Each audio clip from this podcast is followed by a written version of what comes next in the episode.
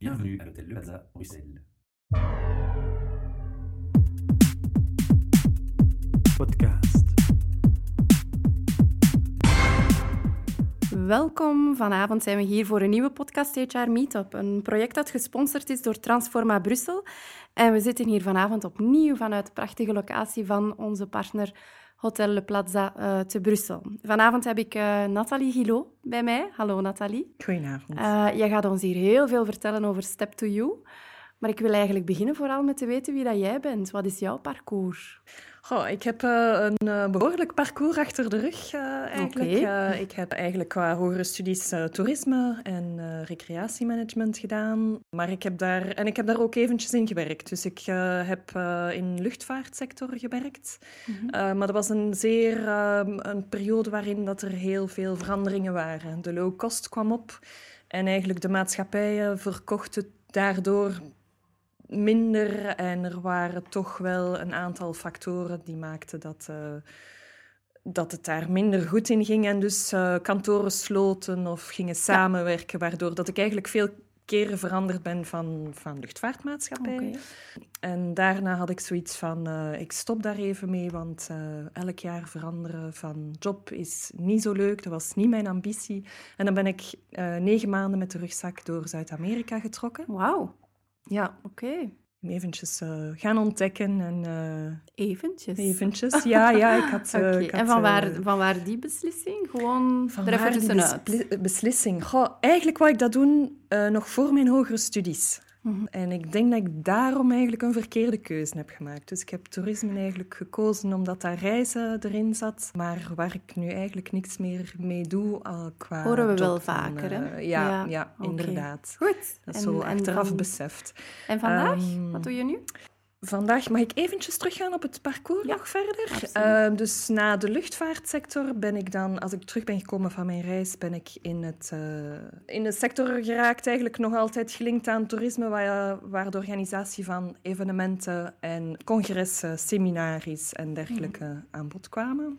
Maar toen dan mijn partner ontmoet, kinderen en dan het alles wat evenementen is, is dan een beetje moeilijk, omdat je -hmm. veel weekend- en uh, avondwerk hebt. En dan wou ik er totaal uitgaan, ben ik voor een consultancybedrijf gaan werken, waar ik dan op de HRT-afdeling uh, terecht kwam. Dus uh, het wagenparkbeheer, alles wat verzekeringen was en ook rap al naar uh, contracten maken, uh, de vakantieregelingen, alle papieren eigenlijk wat er uh, bij te pas kwamen. Maar toen kwam de grote crisis eraan in 2008 en voilà, waren er ontslagen, waarna ik eigenlijk toen dacht van ik wil er even over nadenken wat ik ga doen.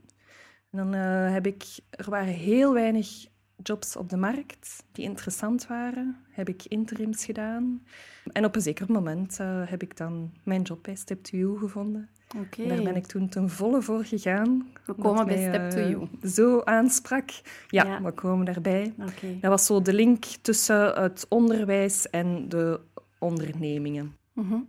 Ik had in de ondernemingen gewerkt. Ik had ook interim gedaan in scholen. Dus uh, voilà, die, die terreinen kende ik. En uh, die link daartussen uh, vond ik wel heel interessant. Okay. Heel boeiend. En, en ja, vertel dat maar. Hè. Wat, wat is nu precies Step to You? Ah, bij Step to You hebben we programma's die we verdelen naar scholen toe. Om jongeren te stimuleren om hun te ondernemen. Maar ondernemen in de ruime zin van het woord. Dus om te gaan zien van uh, wie ben ik, wat kan ik, wat zijn mijn capaciteiten, wat zijn mijn talenten, om die dan te gaan Mhm. ontwikkelen door, door projecten te gaan doen. En dat vanaf tien jaar. Vanaf tien jaar? Vanaf tien jaar. Oké, en, en hoe... Want ik heb een beetje op jullie website gaan, gaan kijken en inderdaad, ik zie de drie grote programma's eigenlijk.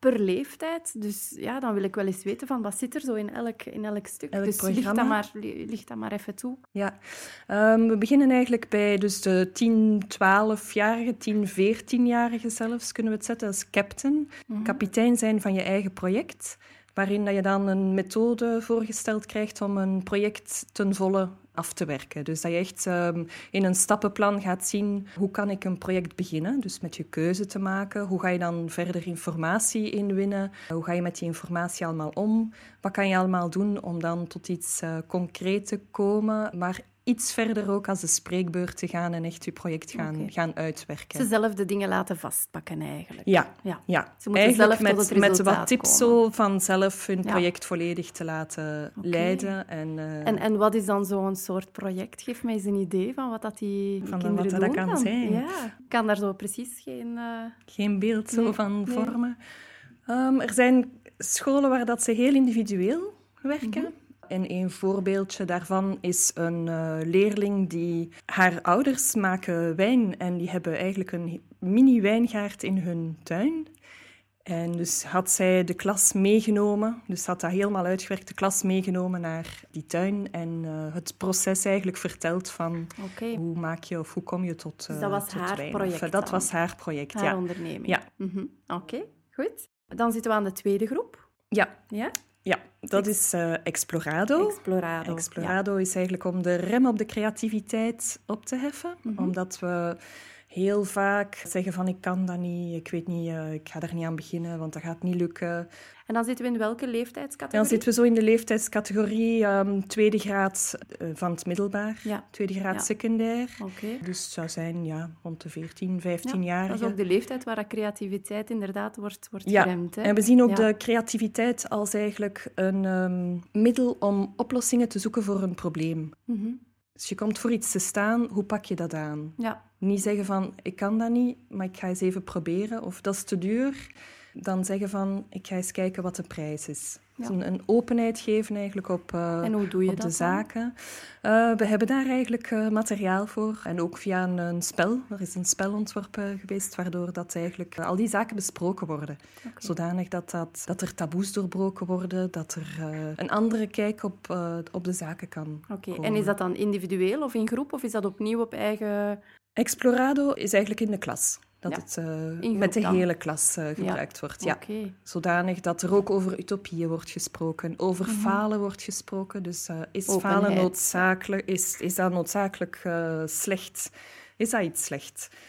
Want eigenlijk uit fouten plaats, kan je eigenlijk leren. En niemand staat of kan onmiddellijk stappen. Elk kind gaat zoveel keren vallen voordat hij gaat stappen. Dus Mhm. er is ook het doorzetten dat dan eh, meespeelt. meespeelt. Ja.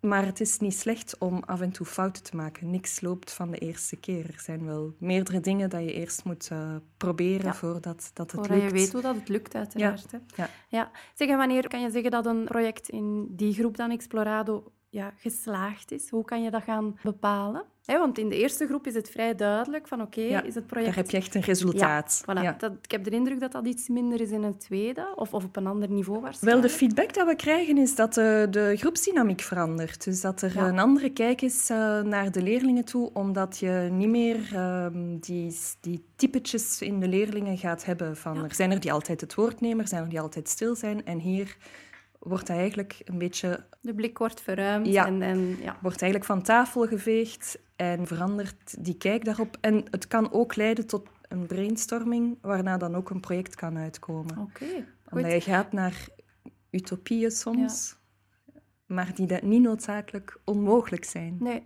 Zeg, en, en, kan je dan bijvoorbeeld dit inroepen als er een bepaalde problematiek is in een, in een klas of in een groep? Ik denk zomaar, allee, goh, laten we zeggen, het pesten of zo. Is, is, kan je dan zeggen van, goh, dan, dan roepen we de mensen van Step to You erbij om eens even te kijken van, oké, wat is hier aan de hand? Wat is die groepsdynamiek? En hoe kunnen we die, die blik gaan verruimen? Ervoor zorgen dat die kinderen meer open... Nee. Pesten niet echt. Nee, Nee, het maar is ik niet dat het, eh, dat het onmogelijk is. Ja. Eh, pest is natuurlijk wel iets waar, dat, waar dat ook leerkrachten heel stevig moeten in hun schoenen staan, Mm. ook om daarmee om te gaan. Maar dat is daar niet Ehm, aan gelinkt dan? nee. Het is niet een Nee. dat Nee, we nee. beroep doen op jullie? Nee. Oké, goed. Het is wel meer voor ehm, naar een, eh, als ze een project ook willen doen of ehm, ja, eigenlijk de verandering in een, een, van een, een bredere, een ruimere kijk. Naar ontwikkeling toe Ja, eigenlijk. ja, hè? ja, ja. oké. Goed, in persoonlijke ontwikkeling. Hè? Ja, Ja, zeker en vast. Zeg, en dan de derde groep, Dream. De derde groep Dream is eh, voor leerlingen derde graad secundair. Ja. Eh, dus dat zijn zo de 17 tot ja, 20-jarigen, gaan het ruim nemen. En dat Dream is eigenlijk opgesplitst in twee, drie delen. Het eerste deel is zelfkennis. Dus daar ga je, gaan ze eventjes op zoek naar een soort van wie ben ik? Van wat, wat is mijn... Uh, hoe, welk profiel, welk type ben ik? Welke persoonlijkheid past er bij mij? Hoe zien mijn vrienden mij? Hoe ziet mijn familie mij? En als je dan jezelf beter kent, kan je ook een betere beroepskeuze of studiekeuze maken. Mhm. En in een tweede deel gaan ze eigenlijk op zoek naar um, tja, mijn beroeps- of studiekeuze. Wie zou ik eigenlijk willen ontmoeten? Waar zou ik naartoe willen gaan? En dan de derde stap is dan iemand ontmoeten uit de professionele wereld. Zodanig dat ze dat kunnen aftoetsen. Zo van, is dat iets voor mij? Is dat niks voor mij? Komt dat overeen met wie ik ben? Met, komt dat overeen, ja. Dan is eigenlijk de cirkel rond. Ja, en mogelijk is het niks voor hun, maar dan kunnen ze ook eens eventjes verder aftoetsen van wat juist er eigenlijk En waarom is en dit waarom, niks voor mij? Ja, En van ja. daaruit dan zelf hun, hun weg verder zoeken. Uiteindelijk is er altijd een positieve boodschap uh, Ja. achter. Zeg, en in het kader van Dream, jullie organiseren daar rond ook dagen, dacht ik, hè? We organiseren een Dream Day. Ja. Die is dit jaar op uh, 17 maart. Uh, Mhm. Dat is altijd de derde donderdag van maart. De leerkrachten zijn nu volop bezig met de boekjes over de zelfkennis en over uh, de getuigen. Dus een beetje aan het opzoeken van wie ze mogelijk kunnen gaan zien. En op 17 maart gaat die, dan, uh, die ontmoeting dan door. En wie zijn die getuigen dan? Allee, ik moet geen namen hebben, maar gewoon... Ja, een idee van uh, Ja. wie of wat. Ja. We zoeken eigenlijk in alle sectoren, in alle profielen. Dus zowel omdat we ook leerlingen hebben uit alle niveaus, uh, Mhm. of alle ja, soorten. Dus zowel het uh, TSO, ASO, BSO, uh, Mhm. alles is mogelijk, het kunstonderwijs. En dus onze getuigen komen ook Mm. uh, zowel uit uh, zorg als uit uh, mensen met uniform, als ja, er is eigenlijk van alles daartussen. Zowel CEO's als mensen die echt hun onderneming zijn opgestart, zelfstandigen. Dus dat gaat echt heel ruim. Heel ruim, Ja. ja. En zo'n Dream Day, hoe ziet die er dan uit? Uh, dus de leerkrachten of de leerlingen gaan dan zelf eigenlijk contact opnemen. Die gaan dan hun afspraak regelen, gaan hun vragen voorbereiden van wat wil ik weten van mijn getuige, welk parcours heeft hij afgelegd, wat zijn de mogelijkheden, want dat is een heel belangrijke boodschap dat we willen geven, dat een studie niet noodzakelijk iets afsluit. Dat je ook een parcours kan doorlopen, waardoor dat je dan eigenlijk wel tot iets totaal anders ook kan komen. Mhm. Omdat ze vaak zeggen, ik moet ruim gaan of ik, of ik wil iets nauw nemen, maar gaat het dan nog wel verder mogelijk zijn als ik dan wil veranderen? Ja. Omdat daar toch onduidelijkheid is bij de jongeren van en wat erna, welke mogelijkheden. Het biedt ook natuurlijk een openheid naar de mogelijkheden van, uh, van beroepen. Mhm. Omdat ze hebben toegang tot de hele getuigengids, de deelnemende scholen, uh, dus de leerkrachten en de leerlingen. Dus ze kunnen heel veel lezen ook Ja. over wat er bestaat, omdat het is vaak ongekend. Heel veel is ongekend.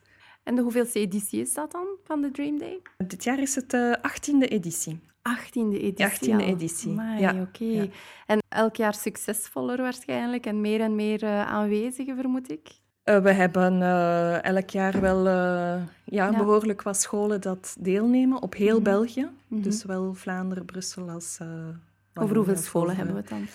Over hoeveel scholen? Goh, ik ben Of hoeveel deelnemers? Of hoeveel... Hoeveel deelnemers, Ja. ja. We hebben het gemakkelijk over meer dan 10.000 uh, Oké. deelnemende leerlingen. Ja, Ja. oké. Wat zou het voor... eh, want ik vermoed dat jullie ook partnerships hebben.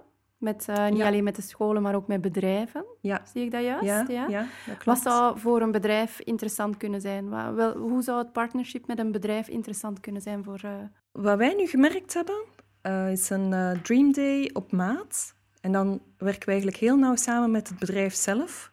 En dan zoeken we eigenlijk het publiek ook uit. Geven we ook animaties in de klasse, dus dat we de leerlingen gaan voorbereiden op die zelfkennis, op het vragen stellen, op de nieuwsgierigheid. En maar in lijn met En het bedrijf en wat het in bedrijf lijn met het bedrijf, eigenlijk. in lijn Ja. wat het Dus bedrijf zoekt of welke boodschap dat ze willen geven. Want sommige bedrijven willen graag ook een boodschap geven of, of ook een andere kant van hun laten zien.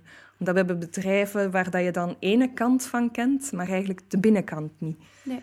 Dus, Oké, eh, dat versta ik. Dus een bedrijf ehm, is op zoek naar, naar personeel bijvoorbeeld en zou kunnen zeggen van ik kan wel een paar junior mensen eh, gebruiken in mijn bedrijf. Ik neem contact op met Step to You eh, om Ja. zo in contact te komen met studenten die ja, die richting studeren dan. Is dat een beetje... Ja, ja, of die daaraan denken van dat te doen. Of, Ja. en dan hun, hun naam eigenlijk ook al te laten doorcijpelen in een positieve zin van er zijn mogelijkheden in ons bedrijf. Ja, Zowel qua doorgroeimogelijkheden of qua posten of qua Mhm. ja, openheid eigenlijk. eh.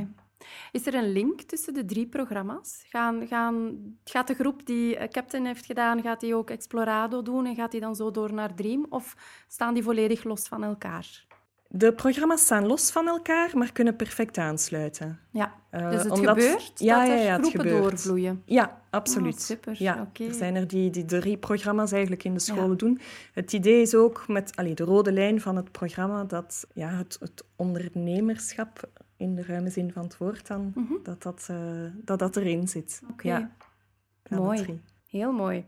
Heb jij zelf nog dingen dat je wilt toevoegen over Step to You? Dat je zegt van dit is nog niet aan het woord gekomen? Goh, we willen eigenlijk graag met ons programma's ook zin geven naar de leerlingen van het leren, van het in Mhm. project zijn, in beweging zijn, van te gaan ontdekken, van iets verder te gaan als enkel het schoolse eigenlijk. Want het project, gelijk Captain en zelfs Explorado, het zijn allemaal dingen dat je er ook buiten kan gebruiken of eh, voortzetten. Mhm.